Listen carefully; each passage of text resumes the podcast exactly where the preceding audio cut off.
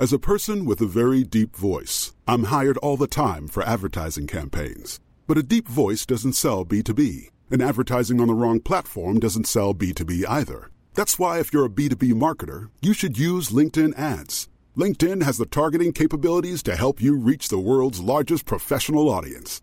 That's right, over 70 million decision makers all in one place. All the big wigs, then medium wigs, also small wigs who are on the path to becoming big wigs. Okay, that's enough about wigs. LinkedIn ads allows you to focus on getting your B2B message to the right people. So, does that mean you should use ads on LinkedIn instead of hiring me, the man with the deepest voice in the world? Yes. Yes, it does. Get started today and see why LinkedIn is the place to be to be. We'll even give you a $100 credit on your next campaign. Go to linkedin.com slash results to claim your credit. That's linkedin.com slash results. Terms and conditions apply. Hey, I'm Ryan Reynolds. At Mint Mobile, we like to do the opposite of what Big Wireless does. They charge you a lot, we charge you a little. So naturally, when they announced they'd be raising their prices due to inflation, we decided to deflate our prices due to not hating you. That's right. We're cutting the price of Mint Unlimited from $30 a month to just $15 a month. Give it a try at mintmobile.com slash switch. $45 upfront for three months plus taxes and fees. Promote for new customers for limited time. Unlimited more than 40 gigabytes per month. Slows. Full terms at mintmobile.com.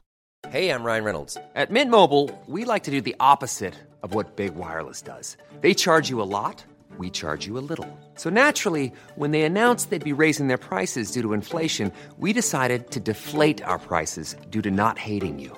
That's right. We're cutting the price of Mint Unlimited from $30 a month to just $15 a month. Give it a try at mintmobile.com slash switch. $45 upfront for three months plus taxes and fees. Promote for new customers for limited time. Unlimited more than 40 gigabytes per month. Slows. Full terms at mintmobile.com. Helt siden de første menneskene slo seg ned i Trøndelag, har det blitt observert underlige lys over Hessdalen. Fenomenet har blitt forsøkt bortforklart som syner sett av bygdetullinger og deliriske hallusinasjoner forårsaket av den lokale drikkekulturen. Men det skulle vise seg at fenomenet stakk langt dypere, når Hessdalen-fenomenet fikk verdensomspennende oppmerksomhet i ufo-miljøet på 1980-tallet. Fenomenet er fremdeles der, og det er fremdeles like uforklarlig som den gang. I 2024 kommer en podkastserie i seks deler, produsert av Project Hessdalen, som kanskje en gang for alle skal finne svar på hva som rører seg på himmelen i denne bortgjemte dalen i Trøndelag. Serien har som seg hør og bør fått tittelen A Blaze in the Northern Sky, og den kommer til din favorittpodkastavspiller i 2024.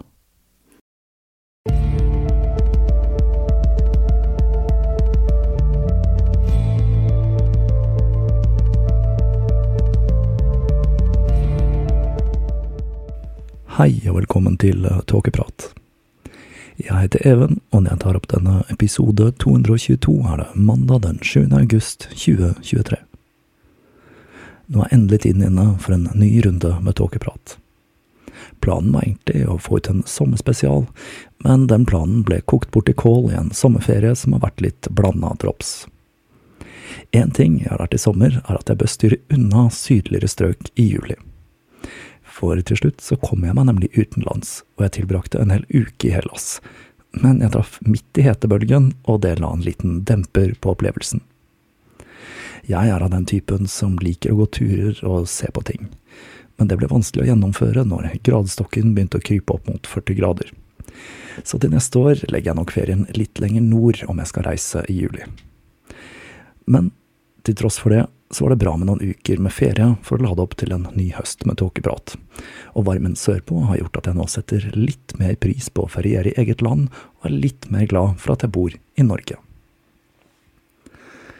En ting som plager meg mer og mer om dagen, er norske mediers dekning av krigen i Ukraina. Jeg var litt usikker på om jeg skulle ta det opp her. Det er jo mange som mener så mangt om krigen, og som ikke har så mye å tilføre den diskusjonen. Men det som plager meg, er altså fremstillingen av krigen i norsk presse, som tidvis minner meg om propagandaen fra begynnelsen av første verdenskrig, som sendte horder av håpefulle unge menn ut i helvete i skyttergravene. Det er nemlig første gang jeg har opplevd den graden av ren krigspropaganda i mediene her til lands. Jeg er en av de som mener at krig er en uting, og denne konflikten er blitt til en ren stillingskrig uten noen tilsynelatende ende i sikte. Og den eneste grunnen til at konflikten kan fortsette på den måten, er jo at Vesten pumper våpen inn i Ukraina. Det er helt slutt på snakk om fredsavtaler. Det er jo blitt så ekstremt at når Kina foreslo at de kunne forhandle, så resulterte det i overskriften 'Advarer mot kinesisk fredsavtale'. Og nå om dagen så rynkes det litt på nesa over Afrikas forsøk på det samme. NRK på sin side har nyhetsreportasjer om mystiske antenner på den russiske ambassaden, og for ikke snakke om den russiskspråklige mannen som kjøpte utstyr til å skanne undersjøiske kabler kontant i en butikk i Oslo. I tillegg blir vi presentert for reportasjer hvor personer fra det ukrainske forsvaret besøker norske våpenprodusenter og skryter av hvor effektive våpnene er i krigen, som om våpnene blir brukt til lek og ikke til å drepe i krig. Den eneste gangen jeg har sett noen være kritiske til å sende våpen inn i kjøttkverna i Ukraina, er når Biden erklærte at USA vil sende klasevåpen. Det skulle jo nesten bare mangle også det, da, siden Norge har vært med på å få gjennom et forbud mot denne typen våpen. Men det er klart, de er lov å bruke i Ukraina, siden de ikke har skrevet under på avtalen, så da er det vel bare å kjøre på. Russland på sin side svarte med å si at de har noen gamle klasevåpen liggende på lager som de vil benytte seg av dersom Ukraina bruker våpnene fra USA. Tidlig i krigen ble vi også fortalt hvordan Russland var i ferd med å gå tom for raketter. Jeg må jo si at nå, halvannet år senere, virker det som om det var litt vel optimistisk. Retorikken nå er at Ukraina må vinne krigen for enhver pris. Jeg har store problemer med å se for meg hvordan en slik seier ser ut, og ikke minst hvordan Ukraina skal kunne vinne i en stillingskrig mot Russland, selv med vestlig våpenstøtte. Fra ukrainsk side, med Zelenskyj i spissen, kommer det stadig ønsker om bidrag som vil kunne sparke i gang en ny global konflikt, enten det dreier seg om luftstøtte eller medlemskap i Nato. Jo lenger krigen pågår, jo dypere graver Ukraina seg ned i gjeld, og lidelsene til det ukrainske folket vokser for hver dag som går. Mens det ser ut til at Russland klarer seg relativt greit. Blant annet så har jo de vært ganske kreative når det gjelder å finne alternativer når vestlige selskaper har trukket seg ut av landet. Jeg er selvsagt ikke for den russiske invasjonen av Ukraina.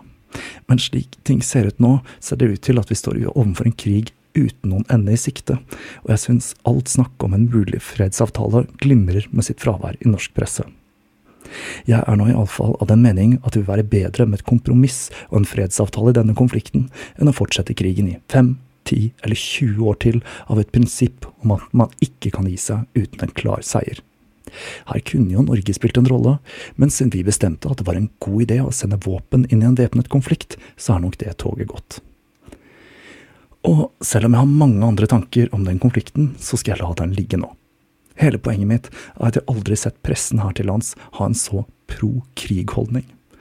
I mitt hode er krig negativt uansett, og man bør gjøre alt man kan for å unngå en væpnet konflikt, selv om krigen startet som en ulovlig invasjon og et brudd på folkeretten. Men nå skal vi over på høstens første tema. Denne høsten har jeg planlagt en ny, veldig omfattende serie om et tema flere av dere har etterspurt i årenes løp. Men før jeg graver meg ned i et nytt, dypt tema, bestemte jeg meg for å starte med litt lett true crime. Jeg kom nemlig over en britisk dame, Joanna Dennehy, som er noe så spesielt som en kvinnelig seriemorder som tok livet av ofrene sine med kniv. Vi forbinder jo ofte kvinner med litt andre drapsmetoder, som gift. Men denne dama gikk altså hardt til verks, og så sent som i 2013. Det som også er noe spesielt, er jo da at hun fremdeles lever i beste velgående og sitter fengslet på livstid. Hovedkilden min til denne serien er Love of Blood fra 2015 av Christopher Barry D. Jeg kan ikke påstå at dette er en veldig god bok. Christopher har riktignok gjort grundig research i arbeidet med boken, men måten han skriver på er ekstremt tabloid. På sett og vis så minner det meg litt om en slags ekstremutgave av Åsne Seierstad, hvor boka tidvis gir følelsen av å lese en avisartikkel med overskrift i krigstyper. Og da tror jeg vi bare kaster oss rett ut i historien om Joanna Denny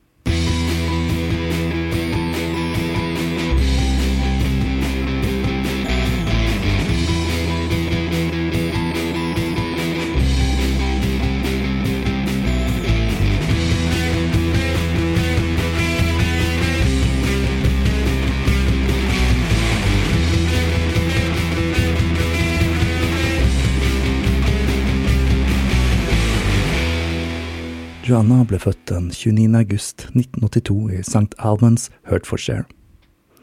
Hun var den første av to døtre til Kevin Dennehy, som jobbet som sikkerhetsvakt, og Kathleen, som var butikksjef i en matvareforretning i byen. To år senere ble søsteren hennes Maria født, og familien flyttet til en større bolig i Harpenden. Joanna hadde en tilsynelatende normal oppvekst. Hun kom godt overens med lærerne og medelevene ved skolen hun gikk på. Hun gjorde det godt i engelsk og historie, men ikke like bra i matte.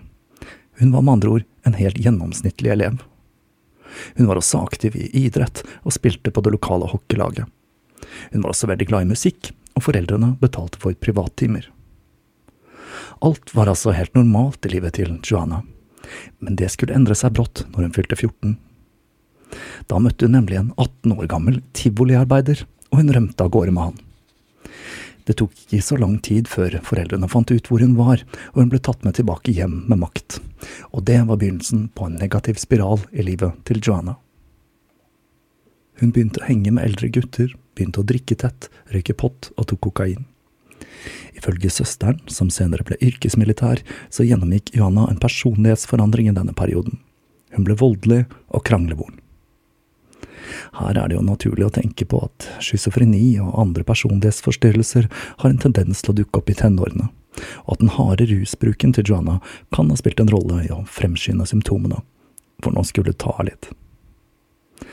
Hadde dette bare foregått i en annen tid, kunne vi jo fabulert i muligheten om at det var Anton Lavey med sitt damporgel som var denne sirkusarbeideren, men den gang ei. Lyttere av Tåkeprat vet jo også at uh, dette er en periode i unge jenters liv der det har en tendens til å dukke opp poltergeist, men det gjør det dessverre ikke i denne fortellingen. Med mindre vi snakker om demonbesettelse, og i tilfelle Johanna Dennehy, så må jeg si at det virker ikke helt søkt. Hun begynte å stjele penger fra foreldrene for å kjøpe alkohol og andre rusmidler. Og når de oppdaget det, så skjelte hun dem ut og gikk fysisk til angrep på dem. Det gikk også kraftig nedover på skolen. En dag dukket hun opp dritings og knuste vinduet i klasserommet med en tom whiskyflaske før hun selv klatret ut av det. De andre elevene ved skolen var naturlig nok redde for henne.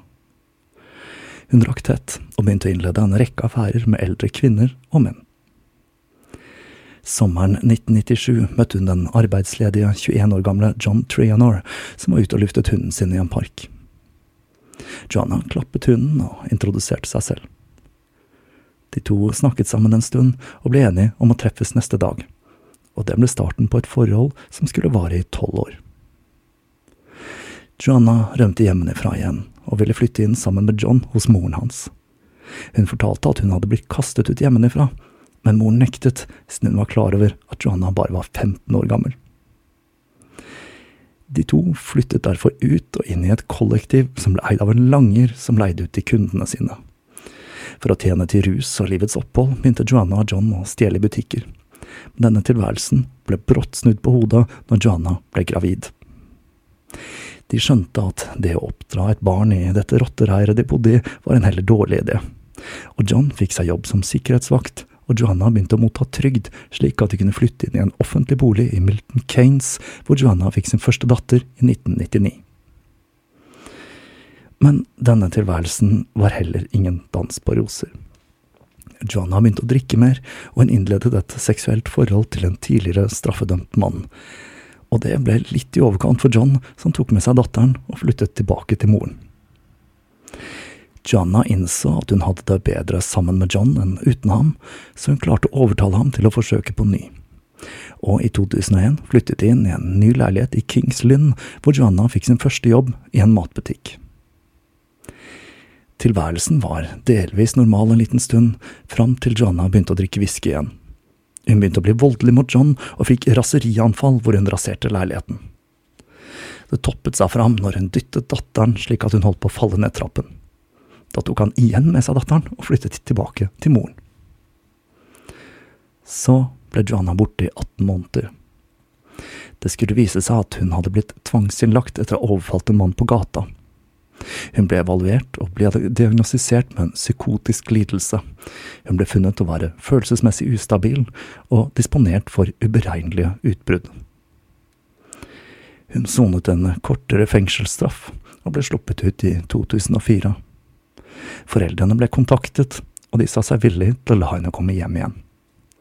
Men det gikk ikke så bra. Etter de hadde tatt henne på fersken i å ha sex med en gruppe sigøynere i hagen, gikk hun bananas og raserte lysthuset til foreldrene før hun stakk av på ny.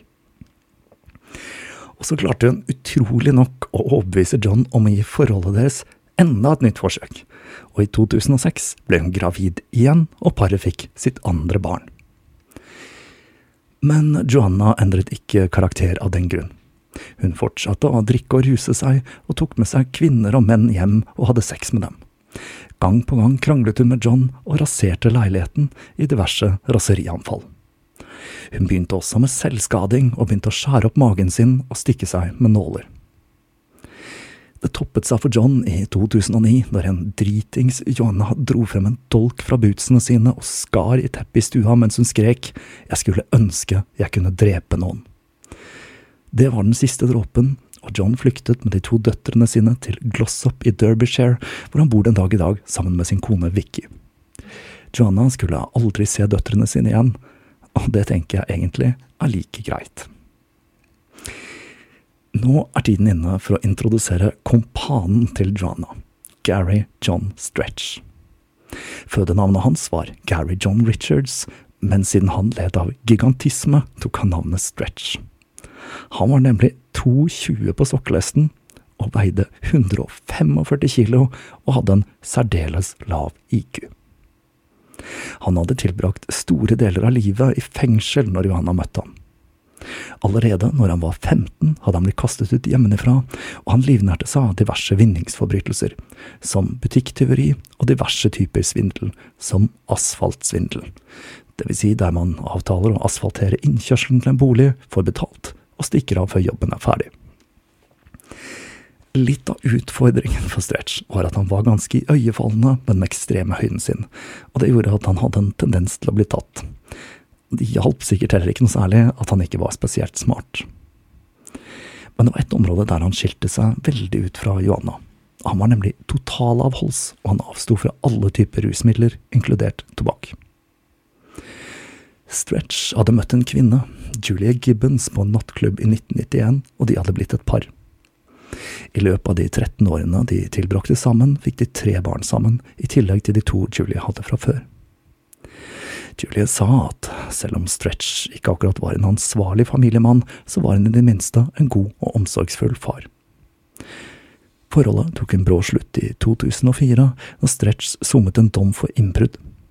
I 2009 sonte han en ny dom på 15 måneder etter å ha truet Julie med å drepe henne. Det var når han ble prøveløslatt i 2010 han møtte Johanna for første gang. Hun var også ute på prøveløslatelse, og de to utviklet raskt et vennskap, og Stretch sov ofte på sofaen hennes.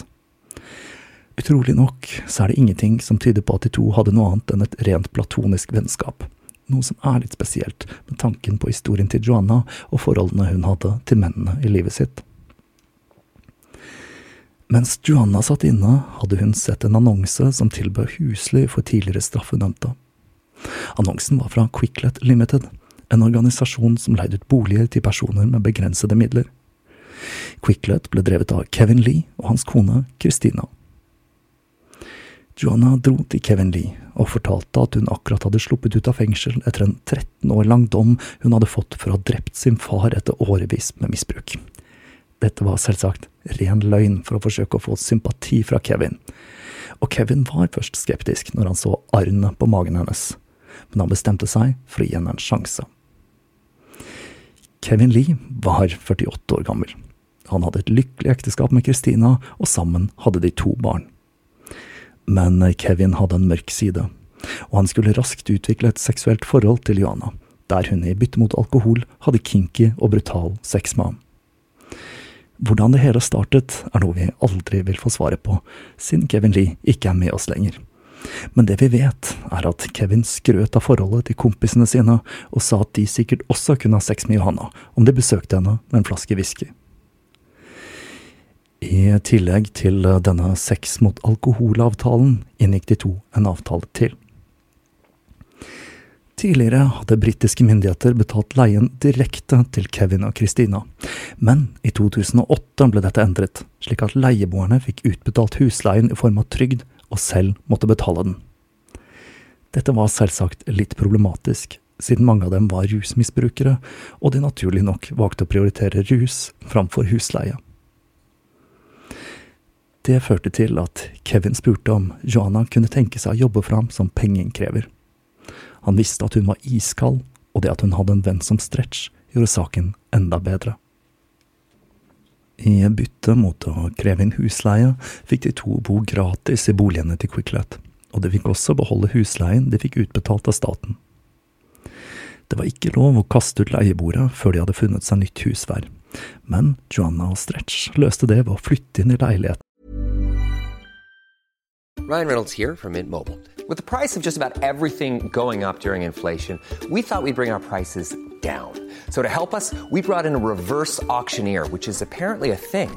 Mint Mobile unlimited premium wireless. Ready to get 30, 30, bit to get 30, bit to get 20, 20, 20, bit to get 20, 20, bit to get 15, 15, 15, 15 just 15 bucks a month. So, Give it a try at mintmobile.com slash switch. $45 upfront for three months plus taxes and fees. Promo rate for new customers for limited time. Unlimited more than 40 gigabytes per month. Slows. Full terms at mintmobile.com.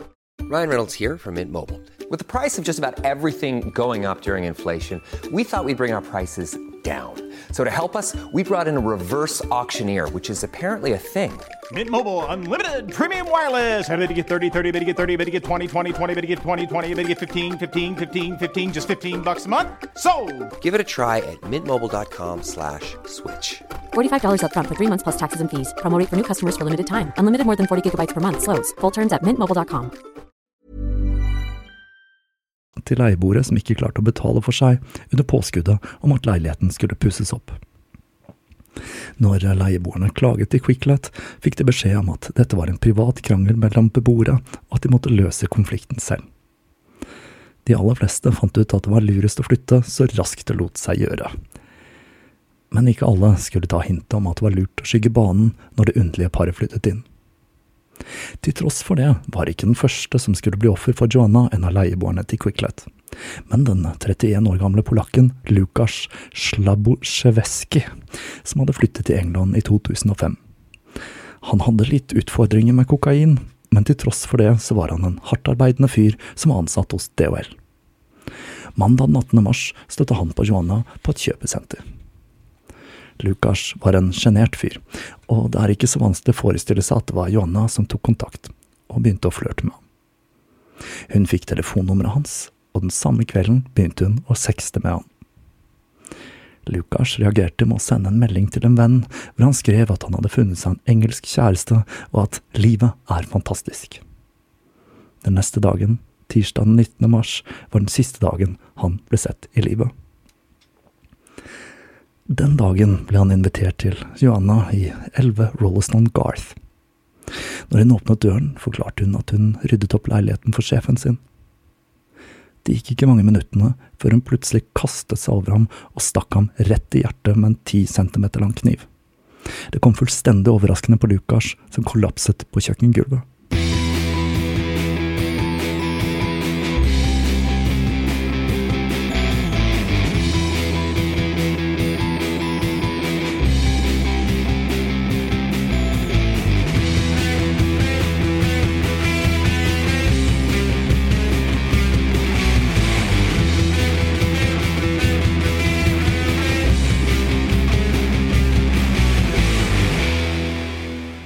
Stretch var i leiligheten.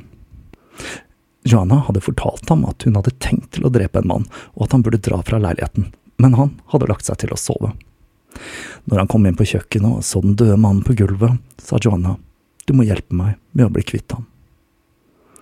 Eiendommen var gjerdet inn med et høyt gjerde, og det var ingen innsikt i hagen, så de to dumper liket i en trillebår mens de la en plan for hvordan de skulle kvitte seg med det.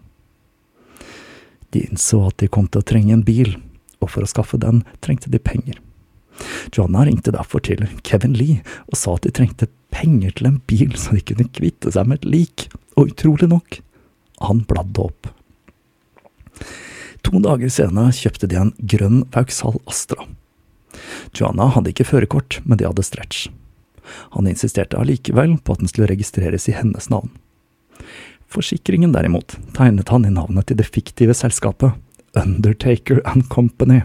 Han var altså ikke så veldig smart, han Stretch, og fortalte heller ikke Johanna om dette stuntet. Senere den samme kvelden ble den grønne Astraen observert kjørende rundt øde områder utenfor Peterborough. De to bestemte seg å dumpe liket ved Thorny Dyke, og Stretch skulle senere skryte av hvor godt gjemt liket var til en kvinne ved navn Georgina Page. De var altså ikke så veldig flinke til å holde drapet hemmelig. Før de dumpet liket, viste Joanna det til den 14 år gamle datteren til en venn, Robert Moore. I rettssaken fortalte jenta. Når jeg besøkte 11 Rolleston Garth, løftet hun lokket på søppelspannet og viste meg hva det inneholdt. Liket var vått og var dekket av en svart søppelsekk. Synet gjorde meg vettskremt. Joe sto bare der og smilte. Jeg ville bare komme meg vekk. Jeg ville bare forsøke å glemme hva jeg hadde sett i søppelspannet. Like etter ble Joanna Stretch beordret til å flytte inn i 38 Beefield for å sørge for at de som leide leiligheten, Chapman og Laton, flyttet ut. Om kvelden, onsdag 27. og torsdag 28. mars 2013, ble Joanna Stretch, Leslie Laton og denne Robert Moore sett sittende utenfor boligen mens de drakk og spilte høy musikk. Joanna ble observert flørtende med Laton. Den andre leieboeren, John Chapman, var ikke like dårlig til å betale for seg som Laton. Han var 56 år og hadde tidligere tjenestegjort i marinen før han hadde slått seg på flaska. Men til tross for at han stort sett klarte å betale leia, ville altså Kevin kaste ut både han og Laton. Tidlig om morgenen, langfredag den 29. mars, lå John Chapman og sov ut rusen på senga si. Joanna snek seg inn på rommet hans, hvor hun stakk ham fem ganger i brystet. To av stikkene gikk rett inn i hjertet hans, og et av huggene var kraftig nok til å gå tvers gjennom brystbenet. Etter å ha stukket ham i brystet, stakk hun ham i halsen og kuttet hovedpulsåren. Når hun var ferdig, brukte hun Chapmans telefon og ringte Stretch mens hun sang på Britney Spears-sangen Ups, I Did It Again. Hun gikk inn på fellesbadet for å vaske av seg blodet, og der møtte hun på Laton. Hun ba han komme for å se, og han ble med inn og så på liket til den døde Chapman. Det er ganske utrolig, men reaksjonen hans var å fiske fram mobilen for å ta et bilde. Han slettet senere bildet, men politiets teknikere klarte å fiske det fram fra mobilen under etterforskningen, og med det var han uløselig knyttet til drapet. Mens de la en plan for hvordan de skulle kvitte seg med liket, begynte de å diskutere Kevin Lee. Han hadde ikke varslet politiet når Lucas hadde blitt drept, men de følte seg slett ikke sikre på om han ville være like komfortabel med at de hadde drept en av leieboerne hans. Så de bestemte seg like så godt for å ta livet av ham også. Kevin Lee var på shopping, og han hadde kjøpt et påskekort og noen CD-er til Joanna når hun ringte og spurte om han hadde lyst til å møte henne for et kinky sextreff i 11 Rolleston Garth. Kevin svarte ivrig ja, og når han kom dit, ble han tatt imot av Joanna, som sa at hun hadde lyst til å voldta ham mens han var kledd som en kvinne. Hun ba ham ta på seg en av hennes svarte kjoler.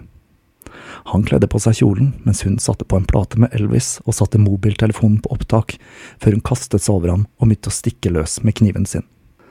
Kevin gjorde det han kunne for å forsvare seg. Han var det eneste offeret som hadde sår på fingre og hender etter å ha forsøkt å verge seg mot knivangrepet, men til ingen nytte. Angrepet til Johanna var hardt og brutalt, og Kevin ble hennes tredje offer. Johanna fortalte senere at hun så på opptaket fra den kvelden mens hun spiste middag og drakk store mengder med hvitvin. Nå hadde Johanna og Stretch to like å kvitte seg med, og de begynte å få dårlig tid. Kevins kone begynte å bli bekymret når han ikke kom hjem, og to venner av ham så at bilen hans kjørte ut fra eiendommen i Rolston Garth klokka 20.00. Liket til Kevin ble dumpet i en grøft i Newborough, mens Mondeoen hans, som ble kjørt av Leslie Laton, ble dumpet og satt fyr på. Når de var ferdig med det, kjørte de tre til 38 Beefield, hvor de hentet liket til Chapman, som de dumpet sammen med liket til Lucas. Laton og Stretch tilbrakte natten i Reesholm, mens Joanna overnattet hos Robert Moore. Han var nå også involvert i saken, og det skyldtes nok at han var forelsket i Joanna, som han hadde begynt å skrive kinky tekstmeldinger med. Christina begynte å bli alvorlig bekymret når hun fikk høre at vennene til Kevin hadde sett bilen hans kjøre av gårde, og hun varslet politiet. De på sin side sa at det var ikke stort de kunne gjøre, bortsett fra å notere han som potensielt forsvunnet, og håpe på at han ble dukket opp av seg selv. Det endret seg når bilen hans ble funnet påtent, og ting ble enda mer dramatisk morgenen etter, da den 68 år gamle Terry Walker luftet hunden sin i Newborough. Han fikk øye på noe han først trodde var en dukke, men når han kikket nærmere, så han at det var liket til en mann kledd i en svart kjole med rumpa i været og et objekt stukket opp i anus. Hvilket objekt dette dreier seg om, det vites ikke. Nå fikk politiet fart på seg, og de dro til 11 Rolleston Garth. Der fant de blodspor på kjøkkenet, blod som skulle vise seg å tilhøre Lucas, samt blod på sofaen som tilhørte Kevin Lee. I tillegg fant de skoavtrykk som senere skulle vise seg å tilhøre Joanna og Stretch, i tillegg til blodspor som tydet på at likene hadde blitt flyttet. Mobildata skulle spille en sentral rolle i etterforskningen. Det var blant annet mobildata som viste at Robert Moore hadde vært involvert i å skjule de to rømlingene. Og Christina Lee, hun visste at mannen hennes var utro. Hun hadde konfrontert ham med dette, og han hadde tilstått. Det er uvisst om hun hadde visste at det var Joanna, men når mannen hadde forsvunnet, hadde hun forsøkt å ringe nummeret hun visste var til elskerinnen hans, og det var Joannas mobil, og den hadde hun på seg mens hun var i ferd med å sette fyr på bilen til Kevin. Det var enda en ting som knyttet henne til drapet. At hun hadde sunget Britney Spears i mobilen til den døde Chapman, gjorde sikkert heller ikke saken noe bedre. Joanna Stretch hadde søkt tilflukt hos Robert Moore mens Laton ble avhørt av politiet. Han fortalte dem ingenting, men det første han gjorde etter politiet hadde dratt, det var å tekste Joanna for å fortelle henne at politiet var på jakt etter henne. Politiet avhørte ham en gang til, men han fortalte dem ikke noe den gangen heller, og fortsatte å oppdatere Joanna. Mordet på Kevin Lee var nå blitt en nyhetssak, og Joanna og Stretch kjørte til Kingslyn hvor de besøkte Georgina Page, en venn av Joanna. Hun forklarte siden at Joanna hadde fortalt om drapene, og hvordan hun hadde lagt liket til Kevin Lee med rumpa i været og en gjenstand i anus, slik at det skulle se ut som et seksuelt motivert drap.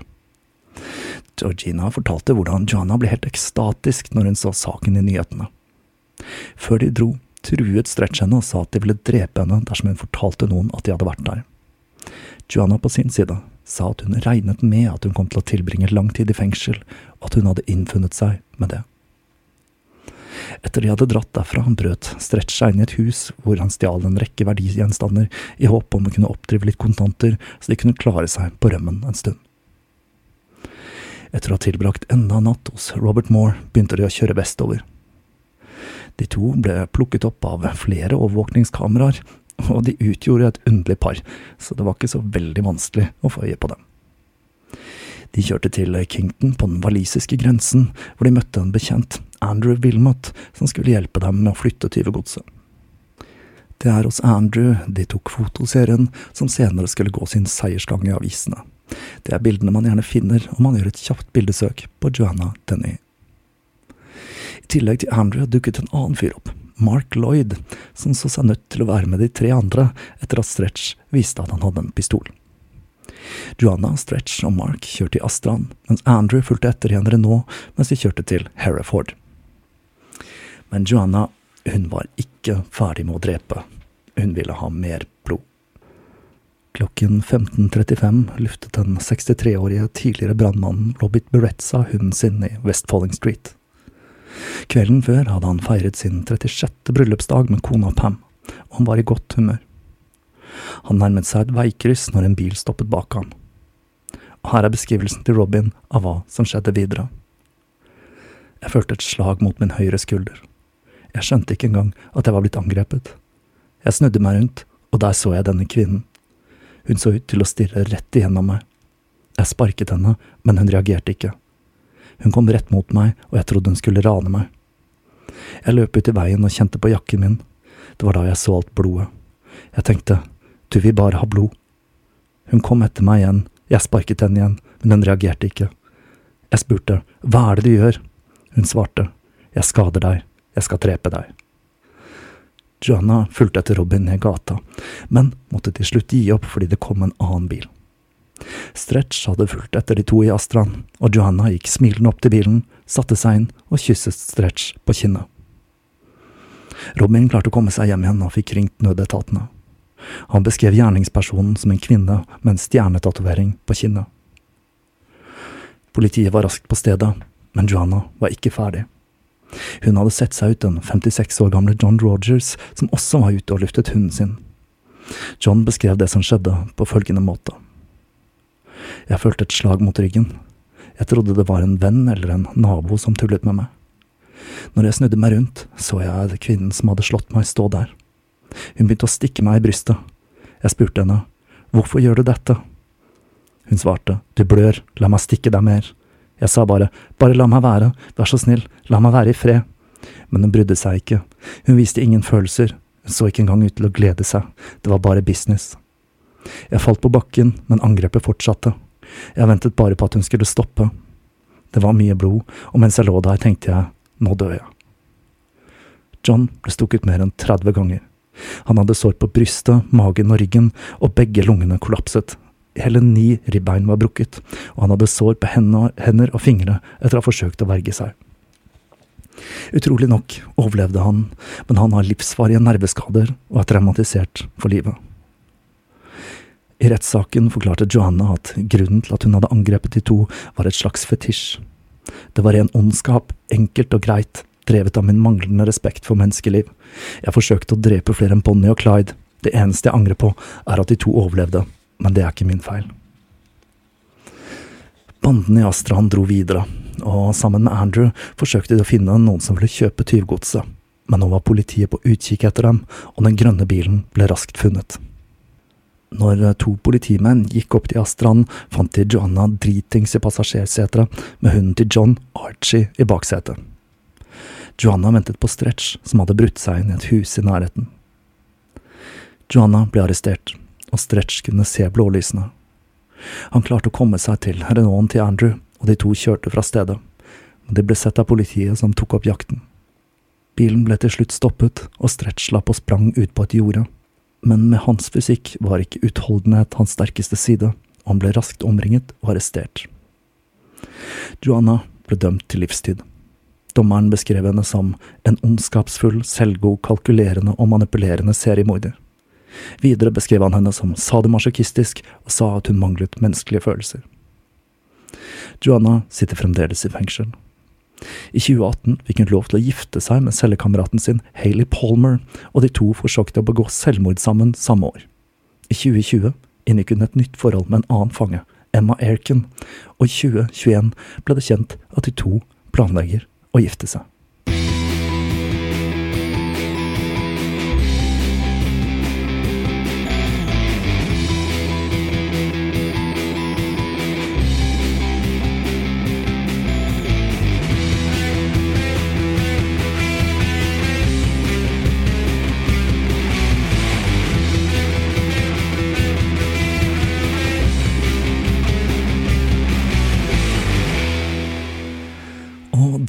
Avslutter vi historien om Joanna Deney.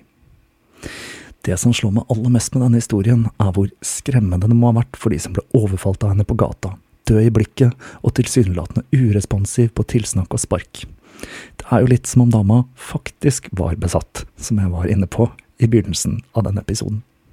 Det er også litt spesielt at hun hadde en helt normal oppvekst. De fleste som begir seg ut i seriemorderlandskapet, har jo ofte en forferdelig barndom som har gjort dem traumatisert og følelsesmessig avstumpet, gjerne med litt hodeskader blandet inn i det hele. Men for Joanna startet altså det hele når hun stakk av med en tivoliarbeider og begynte å drikke.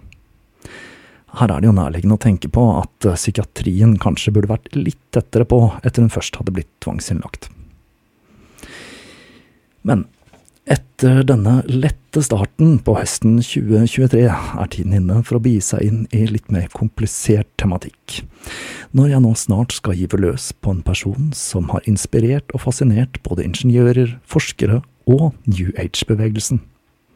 Dette er en person som er ekstremt myteomspunnet, og jeg har valgt å ta på meg jobben med å forsøke å sile ut hvor mye som er sant og hvor mye som er vås denne høsten. Fram til da vil jeg som vanlig takke alle som støtter Tåkeprat, enten det er via Patrion, Vips eller ved å handle i nettbutikken. Det begynner å bli ganske glissent for varer der, så jeg skal forsøke å få trykt litt ny merch i løpet av høsten. Denne høsten skjer det for øvrig også litt andre ting, som blant annet en ny live, men jeg kommer tilbake med mer informasjon når det begynner å nærme seg. Og om du befinner deg i et forhold med en person som konstant er dritings, tar med fremmede hjem fra sex og begynner å rasere leiligheten med rop om at vedkommende har lyst til å drepe noen, så er mitt råd til deg at du kanskje bør vurdere å gjøre det slutt. Det er mitt råd som sexologen Even. Sexolog er som kjent ingen beskyttet tittel. Vi høres igjen om ikke lenge.